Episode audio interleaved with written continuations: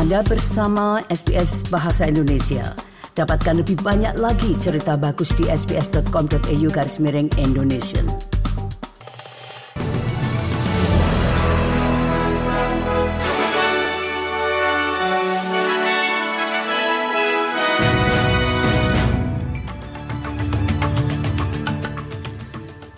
Warta berita SBS Audio untuk hari Senin tanggal 11 Oktober. Sari berita penting hari ini, Perdana Menteri Anthony Albanese menyampaikan bela sungkawa kepada keluarga seorang wanita Australia yang terbunuh di Israel. Fat Farmer menyelesaikan lari 14.400 meter untuk mendukung suara adat dan survei baru menunjukkan bahwa mereka yang akan memilih tidak masih berada di depan. Berita selengkapnya. Amerika Serikat sedang melakukan pembicaraan dengan Israel dan Mesir mengenai rencana perjalanan yang aman bagi warga sipil Gaza ketika Israel melancarkan serangan udara di daerah kantung tersebut. Kementerian Kesehatan Gaza mengatakan setidaknya 900 warga Palestina telah tewas dalam serangan tersebut, sementara kedutaan Israel di Washington menyebutkan jumlah korban tewas akibat serangan Hamas lebih dari seribu. President Biden's direction. The U.S. military has enhanced its force posture in the region to strengthen our deterrence, including the movement of a carrier strike group into the eastern Mediterranean, and we are prepared to move additional assets as necessary. Let me be clear we did not move the carrier. Perdana Menteri Albanese menyampaikan bela sungkawa kepada keluarga wanita Australia yang dibunuh oleh militan Hamas di Israel dalam serangan mendadak pada akhir pekan. Nenek kelahiran Sydney, Galit Carbone, dieksekusi di sebuah kibbutz hanya beberapa kilometer dari jalur Gaza setelah pejuang Hamas melancarkan serangan darat dan udara yang belum pernah terjadi sebelumnya di Israel Selatan. Our sympathies go to uh, the family and loved ones of Ms. Carbone. Uh, we wanted to make sure uh, that everyone was properly informed uh, before making any public statement. Militer Israel mengatakan pihaknya sedang mempersiapkan serangan darat di jalur Gaza setelah serangan mendadak yang dilakukan militan Hamas mengguncang negara tersebut. Serangan yang dilakukan kelompok Islam tersebut diyakini telah menewaskan sekitar 1.200 orang di Israel menurut media Israel.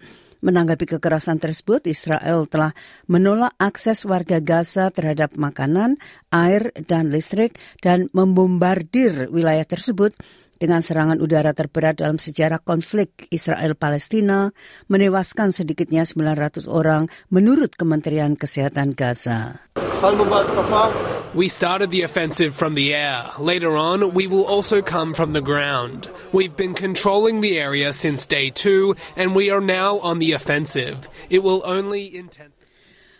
Polisi New South Wales telah memperingatkan para pengunjuk rasa bahwa unjuk rasa pro-Palestina kedua yang direncanakan pada akhir pekan ini tidak diperbolehkan.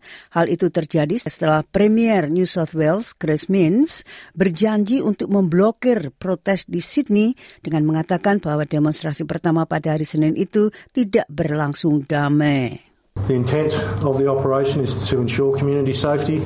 That's always our primary purpose. That is always our primary intent. And we will uh, Perdana Menteri Anthony Albanese menyapa pelari maraton dan mantan anggota parlemen Partai Liberal Pat Farmer saat ia menyelesaikan Run for the Voice di Uluru.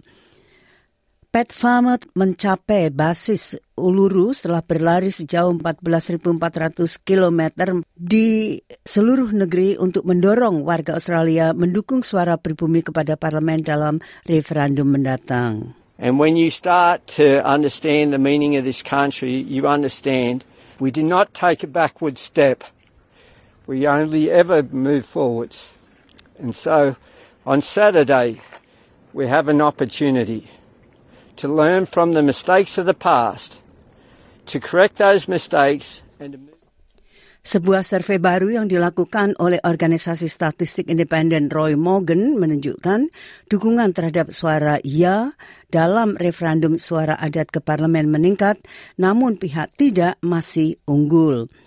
Survei terhadap 900 lima warga Australia yang dilakukan minggu lalu tanggal 2 sampai dengan 8 Oktober menemukan bahwa 50 persen masyarakat akan memilih tidak, sementara 45 persen mengatakan mereka akan memilih ya. Depending on what the result is, I guess there's still a lot of work to be done going forward.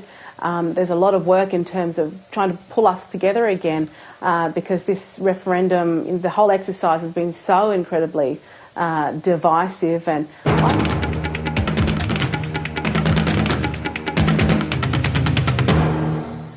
Nah sekali lagi sari berita penting hari ini Perdana Menteri Anthony Albanese menyampaikan bela sungkawa kepada keluarga seorang perempuan Australia yang terbunuh di Israel. Pat Fama menyelesaikan lari 14.400 km untuk mendukung suara adat kepada parlemen dan survei baru menunjukkan bahwa mereka yang akan memilih tidak masih berada di depan. Sekian berita SBS audio untuk hari Rabu tanggal 11 Oktober.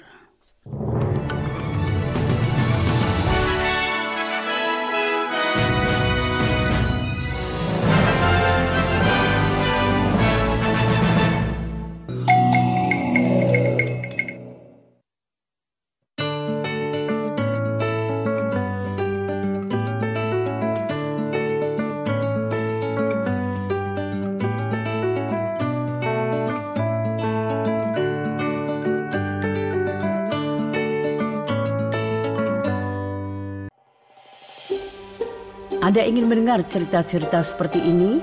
Dengarkan di Apple Podcast, Google Podcast, Spotify, atau di mana pun Anda mendapatkan podcast Anda.